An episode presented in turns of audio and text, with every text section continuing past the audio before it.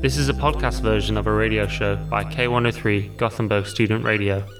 Find us at k103.se. Due to copyright, the music is shortened.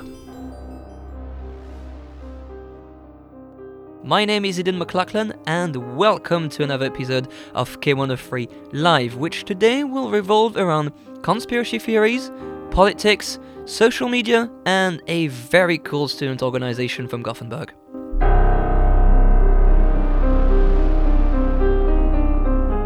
Over my time in Gothenburg, I have always been very interested and grateful for the work the student led organization from Gothenburg University, Brandpunkt Europa, have put together.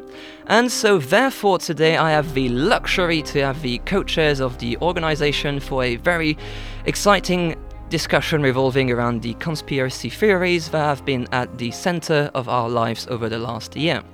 So, therefore, I've got two guests over from Zoom. The first one of them is currently in a sauna. She is a master student in uh, political communication at Gothenburg University, coming all the way from Finland, and currently writing a thesis trying to investigate the Finnish policies revolving around information warfare and information operations. Tuli, welcome. Thank you very much for joining. How are you?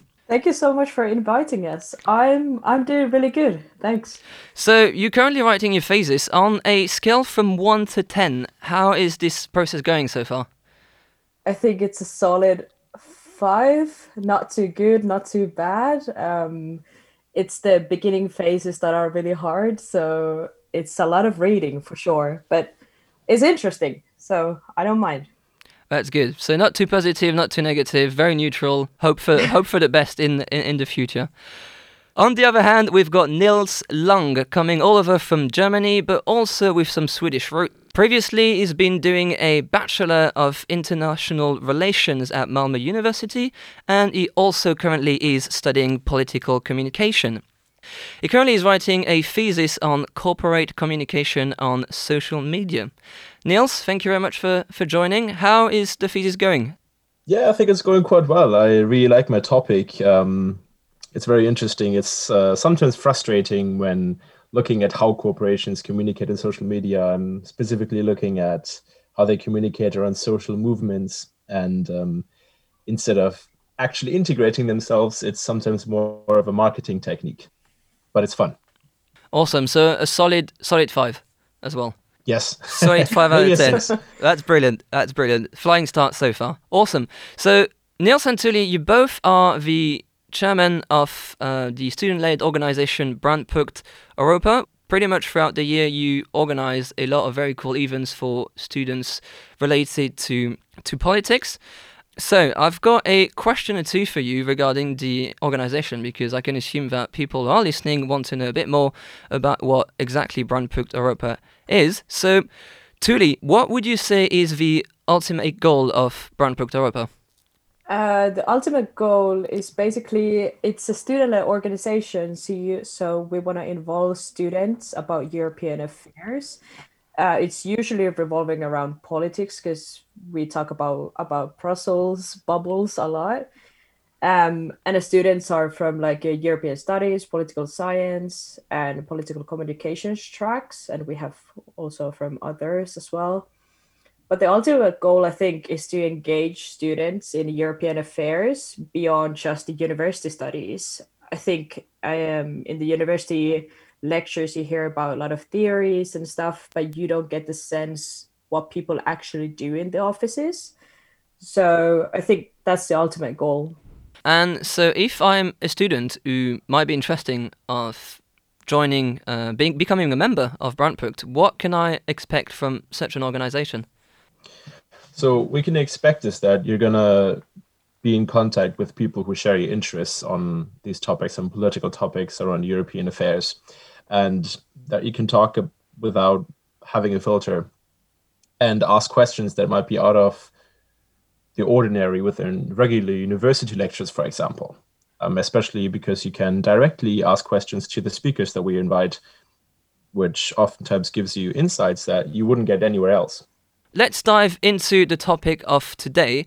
So, with Tuli and Niels, we happen to share a common interest in conspiracy theories. So, what is a conspiracy theory? If you do not know what that is, it's pretty simple. It's uh, an explanation for an event which invokes a conspiracy from powerful and sinister groups, and they range from you know very different type of topics. It can be political, it can be related to health, it can be related to sport, literally anything. And um, they also have happened to become more and more present in our life in a sense that now with mass media, they speak to large audiences, which was completely different from what it was let's say, for instance, 100 years ago. Therefore, Today, we will discuss a few conspiracy theories that have been at the center since last year, and we will try to understand how they came about and how they propagated to such extent an audience. This is K103 Live. One that can come to anyone in mind is probably the conspiracy theories surrounding COVID 19. You have definitely heard at least one regarding the topic. Niels, can you enlighten us a bit more about, you know, what are the conspiracy theories regarding the global pandemic that started in late 2019? Uh, I would like to start by talking a little bit about why these conspiracies come up in the first place. I think that gives a good background for understanding better where these sometimes um, well very inventive theories come from. So I think we can all agree that a global pandemic is a very scary thing. So it should not really come as a surprise that people get worried about it and that they try to find explanations for it. And the virus specifically is nothing you can touch. So for many people, it is just this very scary, abstract thing that all of a sudden influences everyone's lives. And well, as humans, it's within our nature that we try to understand and explain things. And sometimes it doesn't matter at what cost we explain these things. So I believe that this is where conspiracy theories come in because they are essentially a way of easily explaining or understanding something scary and why it is happening. Well, why am I saying this? I think it's important to understand where these theories come from uh, because you should not just wave them off especially as you indicated through newer technologies that have come up, many, many, many more people than within the past believe in conspiracy theories and get sucked into these bubbles. So it's important not to just wave it off, but to understand, okay, where does this come from? And only after that, after we find a certain common denominator, can we start to talk about the potential dangers related to it.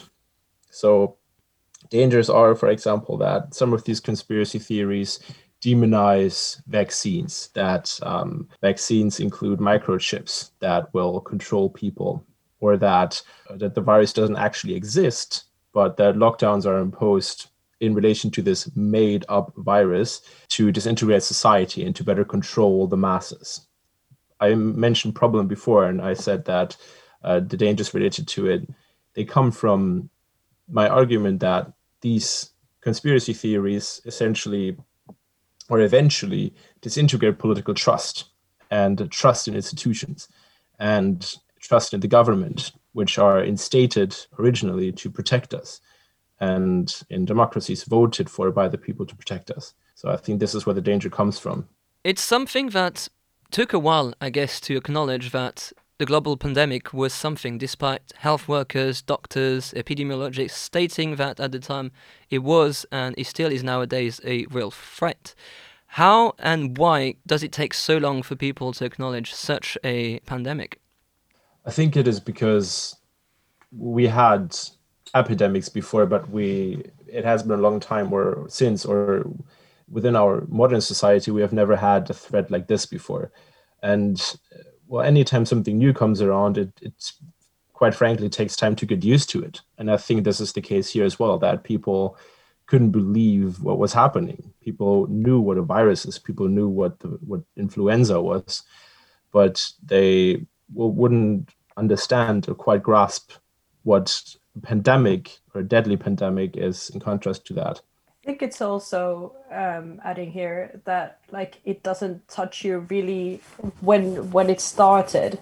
It didn't reach a lot of populations in the countrysides and like in um, places that the people do not live as closely together. So when it doesn't touch your relatives or your family or your friends, you don't necessarily understand it and you don't think it's something to do with you. I think that's uh, another thing why it took so long.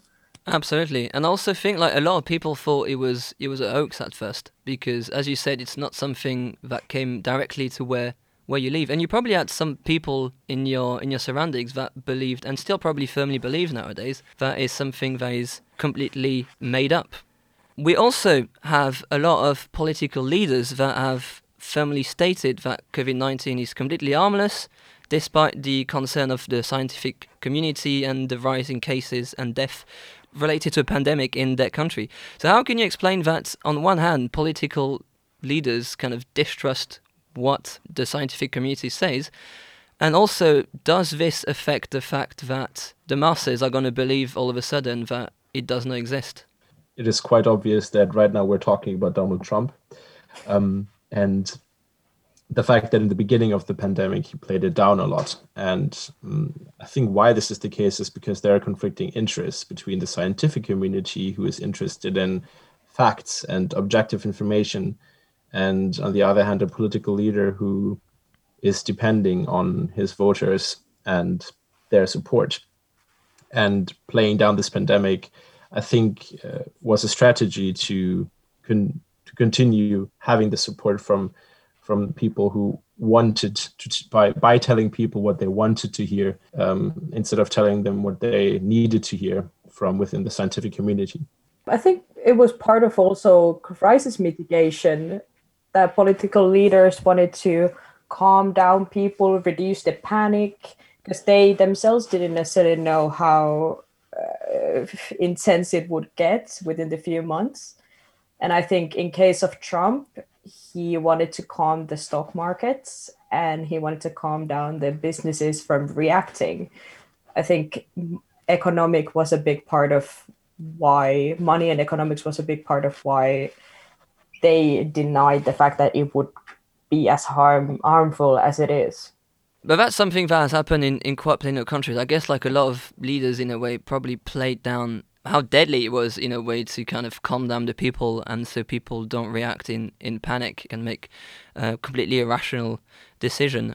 And also the fact that I think those conspiracy theories have came about is mainly due to the fact that it's been vehiculated by social media. And I can speak from my experience that over the first few months of last year, I've seen a lot within, you know, people I know on, on social media playing down on the fact that COVID 19 was something made up by the media. So the main responsible is it that it can spread nowadays through social media, despite the fact it's based on zero evidence, compared to, I don't know, TVs or newspaper will probably say that it's a bit more, uh, it was a bit more of a threat at the same time. Yes, absolutely. I would uh, completely agree with that statement. Um, as you already indicated, newspapers or mainstream media outlets have a certain responsibility of checking their sources and making sure that what they're saying is arguably objectively correct. Um, and as an individual, you just don't have that same responsibility. There are less can- consequences to you spreading information uh, of which you're not really sure about. You don't have this responsibility. And through social media, it's not just one person, but millions of people at once who do not share this responsibility and because of that spread this information because it is well arguably easy to believe and an easy way of understanding or explaining something that is very abstract. Anyone can read one thought nowadays which was not really the case let's say 50 years ago. But depending on who as well spread the message if it's someone with quite a big following then all of a sudden it starts to spread out over everywhere pretty much on, on the internet. This is k103 live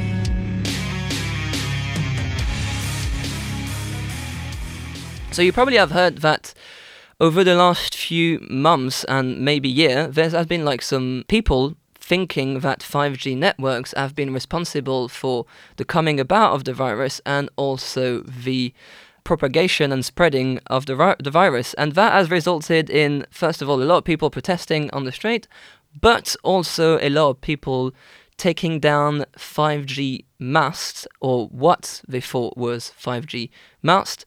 And something that is quite interesting is that that has happened in countries as well, where they don't have any 5G network working, nor 5G mast. And, you know, it's just, you know, people uh, taking actions pretty much based on zero evidence. And also, those thoughts have been endorsed in a way by some senior politicians, which have claimed that 5G is linked to the spread of the virus.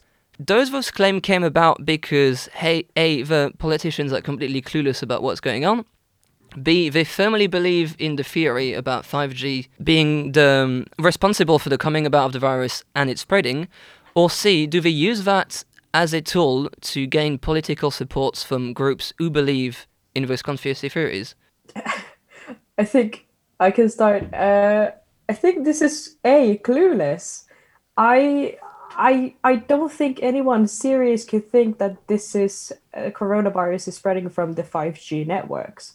If you are, uh, I, I don't know, if you are a senior politician, this is like very harmful to say any of these kind of things, and obviously you haven't read anything about it. So, but this is also this has happened before. It's not the first time that like a disease is linked to a new technological development. Say with 3G, 4G, and 5G, it's that SARS, swine flu, and now coronavirus has spread from these uh, networks. So I know it's not a new theory, but it's surprising that keeps going on. When something new happens, and it's already very blurry and the scientific world can't really explain it yet because science is a very slow and methodical process, and especially if you are dealing with medicine, trying to explain the cause of a virus and you know how to create a vaccine, how to take care of people who've contracted it. Well, it takes a lot of time. Therefore, are those times when we don't really have those answers the best time to come around with any kind of psychedelic theory regarding any new technology? Yes, I think that's a really good point. Um, right now, technology is developing faster than ever, and it only keeps to, it only continues to develop faster and faster. It's an exponential process. So we we start to implement these technologies before everybody agrees and understands what they do and uh, and so on and so forth. So I, I, do believe that it's it's a perfect environment for conspiracy theories to come up, and that also leads to the interesting fact that conspiracy theories around, well, 5G, for example, are really inconsistent. There is no one conspiracy theory that everybody believes or came up with, but there are conspiracy theories, for example, uh, that some people say that 5G caused the coronavirus, and others say that the lockdown and the virus are an invention to install more 5G towers, which then control people's minds. Um, and both of these are floating around on, on social media and in the internet, and people talk about it. So I believe this environment is perfect for that. And the fact that they are so dispersed and diverse in their nature, these theories, that also proves that we just don't know enough about it yet, even in the realm of conspiracy theories. I think it's perfectly okay to be critical every time there's a new tech device or development that's coming out but obviously linking it to a pandemic, I, I find it very interesting how those are brought up. And since there's no science behind it, the people were saying that it's not a coincidence that these pandemics happen the same time as the rollout of the networks but it does not have the dates don't line up when you look at the actual uh, writings about it but I don't know. It's good to be critical, but there's a difference between critical and spreading these kind of theories. So yeah, how come with zero information, zero evidence, nothing, how come one can result in burning or taking down 5G towers? How do you arrive to such an extent? I think it's same with the what happened in Capitol attack. Something starts to snowball, a theory starts to snowball, and then there's a people who want to do something about it. So they knock down a 5G tower or burn down uh, something. I think it's this kind of their duty to show their strength or something or protest against it. So I think I I don't know. They just want to do something about it, and that's what they can basically do is to knock down a 5G tower. I agree with the statement. I think it's absolutely correct to say that this is a snowball effect, and um, I think that there is a danger related to the snowball effect. I mean, apart from just talking about destruction of, uh, of, of something that is not your property, like burning a 5G tower, it also extends to people arguing that the vaccines are poisonous within this 5G conspiracy network because the, the coronavirus has been spread through the 5G networks, and then the vaccines are installed to control people because they're full of microchips. And well, this is where it becomes dangerous when people then translate these theories into practice, so to say. You know, when they burn down a tower or when they decide not to get vaccinated, which puts all of society or the global society at a danger. I think there's a lot to do about like the propagation of misinformation as well in those cases and evidence on on facts. And I've come across a very interesting story when I was doing some research the other day to prepare this show, which I was not aware of, and I think that's probably my favorite um, favorite of all. So in March 2020, on the 8th of March 2020, the French Minister of Health released a statement saying that uh, a word going in a way that blue cheese was a cure to COVID 19. And most interesting of all, it was the fact that cocaine could prevent and protect you from the virus, which of course it probably is based on nothing. I can understand there's a correlation between the fact that there's a bigger proportion of people between 20 and 30 who probably take cocaine compared to elderly people, and if you look at the death rates, they are higher in the seven like on the elderly category, so you can see some kind of relation correlation. On the other hand, uh, there's no causality between one event to the other. So how can governments and politicians, in that sense, can tackle misinformation on social media? I think that is a really good question. Um, it's really hard to answer as well, and I don't think that any government has the capacity to come up with any task forces that searches social media to extinguish some uh, rising conspiracy theories because once they extinguish one, there's just going to be another one or another platform. Um, see, for example, Telegram. People were afraid to use Facebook or WhatsApp, and they transitioned to Telegram to talk in groups about uh, different conspiracy theories and reinforce their beliefs in it.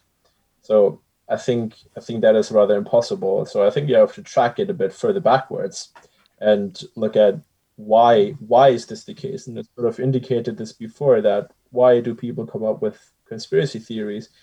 And i think misinformation spreads if you do not have the ability to filter out what information is correct and what isn't correct. And of course this is really hard to do nowadays. There's so much different and conflicting information on the same topic.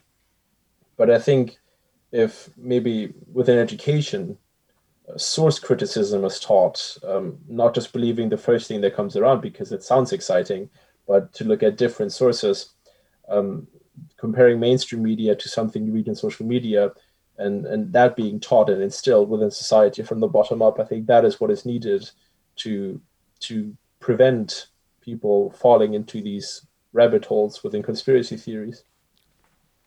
I agree completely with Niels, and I think it's a, also a shared responsibility. It's not only the government or the politicians that can do about it. I think the platform should take some responsibility of it, and I think after the Capitol riot, they started thinking of. I don't know if canceling Trump from Twitter is good or bad, or is it is it an example? But I think governments and politicians for sure, it's um they should set some kind of standards. For example for journalists and i think education in school is uh, very critical for this. So critical reading and how you can teaching of how you can spot profiles and groups that are, can be published or they publish material through trolls and bots. Um, I think Finland also rolled out um, some education programs for government officials and teachers and journalists about misinformation and how you can tackle the information operations. Um, it's kind of going from top down as well. So you teach the office holders and teachers and educators first, and then you start from kids in uh, primary school or high school to learn about these kind of things. And I think I hope that they're going to roll that out to general public as well. So more and more people will understand how they can spot this kind of behavior in social media and how they are not involved with this by sharing, liking, or commenting it to it.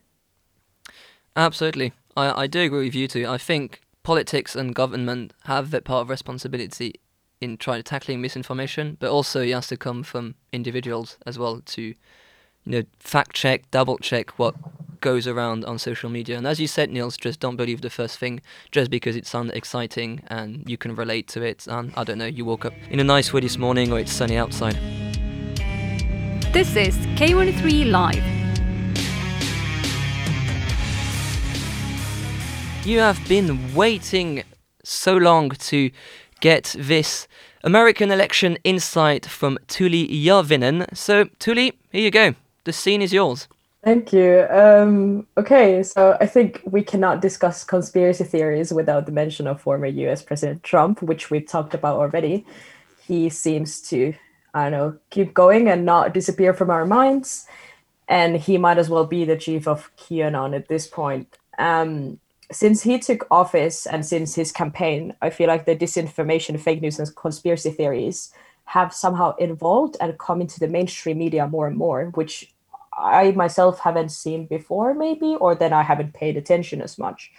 And I feel like when I read the American discussion that you hear about this way more than before. And what happened in the recent elections in the US, um, it might have been the most disturbing outcome, outcome of the conspiracy theories that re- revolve around elections. And it was a straight attack, not only to the US democratic institutions, but I think um, it affects also other democratic institutions all over the world. I think we might be naive to think it's only the US it affects, but I think they have a very big reach around the world as well. But the conspiracy theories that were shared around the elections, there was plenty of it, and they started very early in the spring when it came about that the voting will be in mail and it'll be different because of the pandemic. So there was a conspiracy theory revolving the voting systems used in the US, uh, Smartmatic and Dominion, that were linked to left-leaning anti-fascist political movement Antifa and to Venezuela. And the Venezuela part is quite interesting. There was a Trump lawyer, Sidney Powell, and the infamous uh, Rudy Giuliani that were claiming that a former Venezuelan military officer was saying that the same machines and systems somehow that rigged the elections in Venezuela in 2013 was the same that were used in the US. And somehow the systems um, made the votes from Trump transferred to Biden. So the elections were rigged. And those two went on to all networks to um, talk about the issue. They have uh, millions of views and it spread a lot. But since then, um, I think Sidney Powell got a lawsuit from the company. Um, so, and it wasn't true, obviously, but it's interesting that they drag Venezuela into it. But other like election theories were that poll watchers were blocked from observing, and it ended up with angry people at the voting places shouting and banging the walls, saying "Stop the steals." Um, there was a videos of someone burning and throwing away the ballots, and when they track the videos down, it ends up being completely unrelated videos of random people doing their jobs and nothing to do with the elections. Um, Trump himself tweeted that there's millions of mail-in ballots uh, that that will be printed by foreign countries and sent to U.S. citizens, uh, which did not happen, hasn't happened, and I think the end of it all is the insanity that ended up with the Capitol riots, and one of the Trump loyalists, uh, Matt Gaetz, was claiming that the rioters were not Trump supporters and they were actually members of Antifa and they were only dressed as at the MAGA folk. So these were all the conspiracies that there's way more of them, but these were the conspiracies that were revolving around the elections and they started very early in the spring. Exactly. So what happened in January is that the uh, yeah, I think it grew definitely out of hand. Um, uh, the conspiracy that they started early in the spring, as I said, claiming that the in-mail voting would be easier to rig and dead people would be voting as well.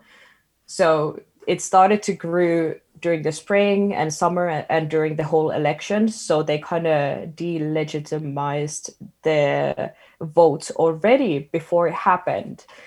And I think it kind of came about in the Capitol riot that something that has been bubbling under the surface for so long for the year, it just I don't know, it just it just happened then in the Capitol riot that people wanted to show show their support for Trump and the cult that he's in. But yeah. Is this a risk when people show so much devotion to a powerful political leader is there a risk that they will first endorse any kind of theories that they put up together, and like with that considering if it's rational or completely irrational, as it was the case with the student election? How dangerous is that? Can we see that more and more in the future? Because it probably will happen more in the future that a political leader say that there's a conspiracy theory behind the fact that that person lost an election or any kind of other event that can happen in the in the world and the world of politics how dangerous is and how can dang- how dangerous can it be in the future when people endorse conspiracy theories put up by a powerful political leader? This is not the first time these kind of things has happened. I think history shows us that there's a strong leader who gains attention and finds a niche audience and it spreads. I think Trump definitely activated something that has been under the surface in the US. And he's not the start of it, nor he will be the end of it. I think the impeachment hearings are happening as we speak. And I think if they do not set example of this, it it shows that you can do this. And I think that's a big risk for the future that if they do not make this as a case it'll be easier for leaders to do this uh, afterwards and get out without consequences. So, are social media the best and most efficient ways for politics to express themselves nowadays?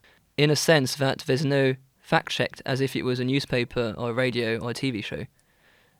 Yeah, I think it's it's good and bad. I think overall social media is good for politicians and I think it reaches to people who would not necessarily read papers or follow news as closely, um, especially younger people. It gives a different kind of platform to reach them.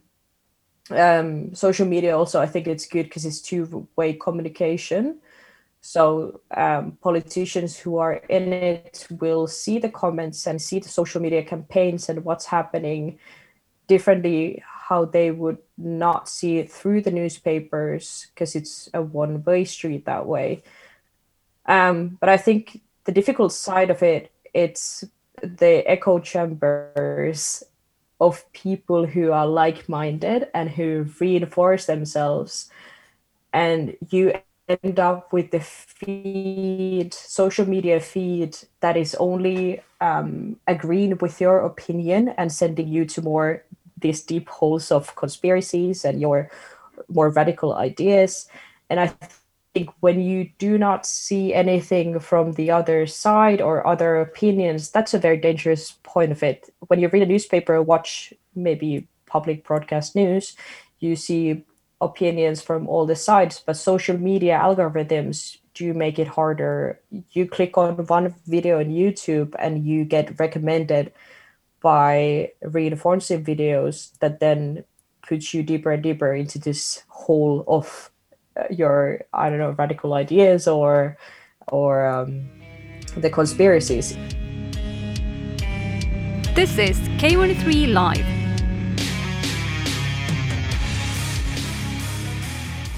And the last topic we have for today is something that we crossed upon very slightly before. It revolves around QAnon. And Nils, I know that you do not believe it at all, but you find it very interesting on one hand. Could you tell us and enlighten us a bit on what QAnon exactly is and what is the theories behind it? Yes, uh, QAnon is in essence a global conspiracy. And um, that is why it is so hard to pin down what it is exactly. Uh, it's very hard to describe within one or two sentences, but I'm still going to try uh, my best here. So it arguably has arguably has its most following in the United States, and it is also growing over to other countries and uh, becoming bigger and bigger. And for example, Germany, uh, where there has been a huge rise of people who believe in this conspiracy theory as well. So, in essence, the idea is that there is a global elite which enslaves and breeds children to drink their blood and stay young, uh, to stay young. And this sounds absolutely insane to a lot of people, I believe, but uh, this is genuinely what QAnon is promoting um, as a conspiracy theory. Um, so this elite uh, is portrayed to consist of uh, oftentimes Democrats in the United States, uh, billionaires, Hollywood actors, and basically everyone who has either a lot of money or a lot of influence. So when I'm thinking about this, is this a coincidence that it's this elite? Why only people that arguably everyone knows? Um, why not some hidden elite? And it sounds to me like this is rather easy to make them look. it, it is rather easy to make them look evil because everybody knows who Bill Gates is. Uh, it's easy to put the blame on him because everybody knows who he is. He has a lot of money, which is unfair to a lot of people, and a lot of influence, which can be, well, a scary thing to a lot of people. And well, QAnon as a as a conspiracy theory and maybe even as a movement got very very big throughout the pandemic, arguably because people had simply said more time to look at these conspiracy theories. People spent more time on social media people wanted to understand what is going on because it is rather scary, uh, as we talked about earlier. And well, conspiracy is just an easy explanation to a complicated topic. So um, maybe there was also just a stronger need of belonging because of the separation due to restrictions. Uh, people couldn't see their friends and family as much anymore. And well, as humans, we are used to being in groups. We are very social animals, if you want to call it that. And so it's it's easy to just create this sort of feeling of belonging for a lot of people by believing in this kind of theory and sharing this belief. And to say, well, there must be some evil agenda behind this. Let's all gather behind this idea and um, get this feeling of belonging. Um, and as already indicated, as we talked about before, the role of social media is really important here um, because it makes it very, very easy for people who believe this uh, to find each other and exchange ideas around it, especially on apps for, like, for example, Telegram, in which there are specific chat groups of QAnon believers who talk about the conspiracy. You rarely, within these groups, find people who are critical of it, but they people in these groups just reinforce their beliefs around it, which can makes people believe in it even stronger something very, very interesting to me um, is that QAnon, or the people who initiated this theory and people who are standing behind QAnon, are doing something rather unique. They post easily solvable puzzles on several outlets, such as, for example, these Telegram chat groups or Twitter threads or Facebook groups, uh, which create, if they're put together, uh, messages demonizing some elites. So they put one part of the puzzle on the Telegram chat group, another part of the puzzle on Facebook, and another part on Twitter. And if you just look and dig long enough, you can eventually put this puzzle together and it creates this message about some elite which is evil and does something evil. And so what happens is that the people that solve these puzzles think that they uncovered something hidden and secret and forbidden, and it's super exciting. And that makes them get sucked deeper into the conspiracy. Um, and that is when it becomes scary and dangerous when there are these or psychological or cognitive ways of making people convince themselves that this conspiracy theory is true and that they find this information themselves. It's not because somebody tells them, but it's, well, I solved the puzzle. I found all the pieces. This has to be true. And uh, well, that's when it gets bigger and bigger and really scary. Would you agree on the fact that you could see it's like a nowadays cult and we might see more, more of them in the future on social media?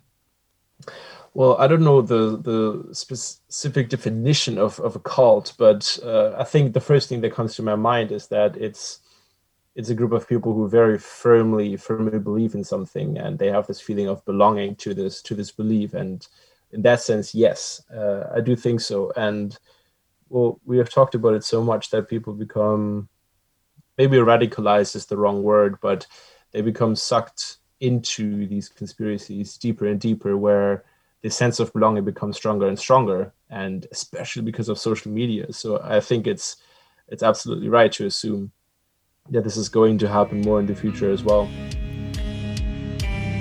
This is K103 Live. Niels Tully, thank you very much for your time. When it comes to Brandpunkt Europa, they've got a lot of cool events lined up for the rest of the year. Niels Tully, what do we have in, in store?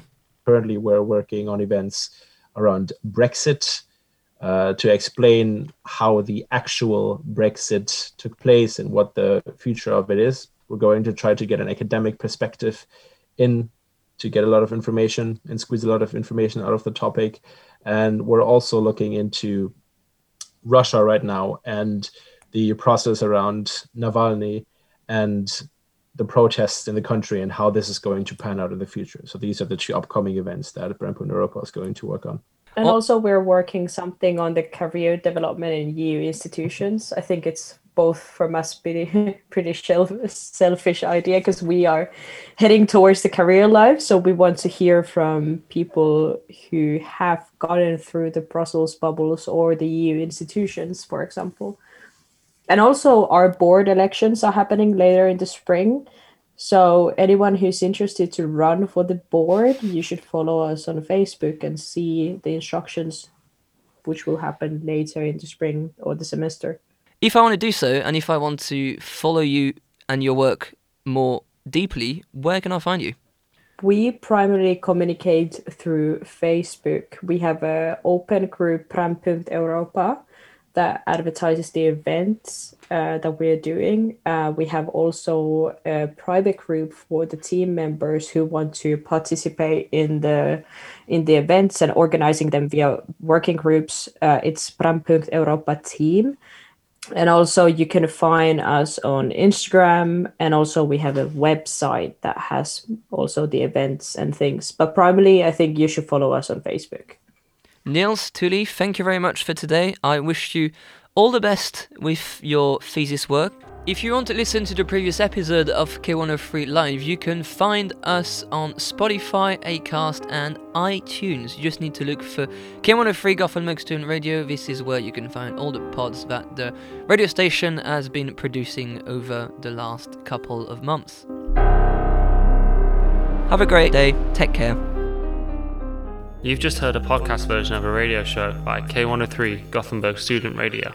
You'll find all our shows at k103.se. Follow us on Facebook or Instagram. Stay tuned.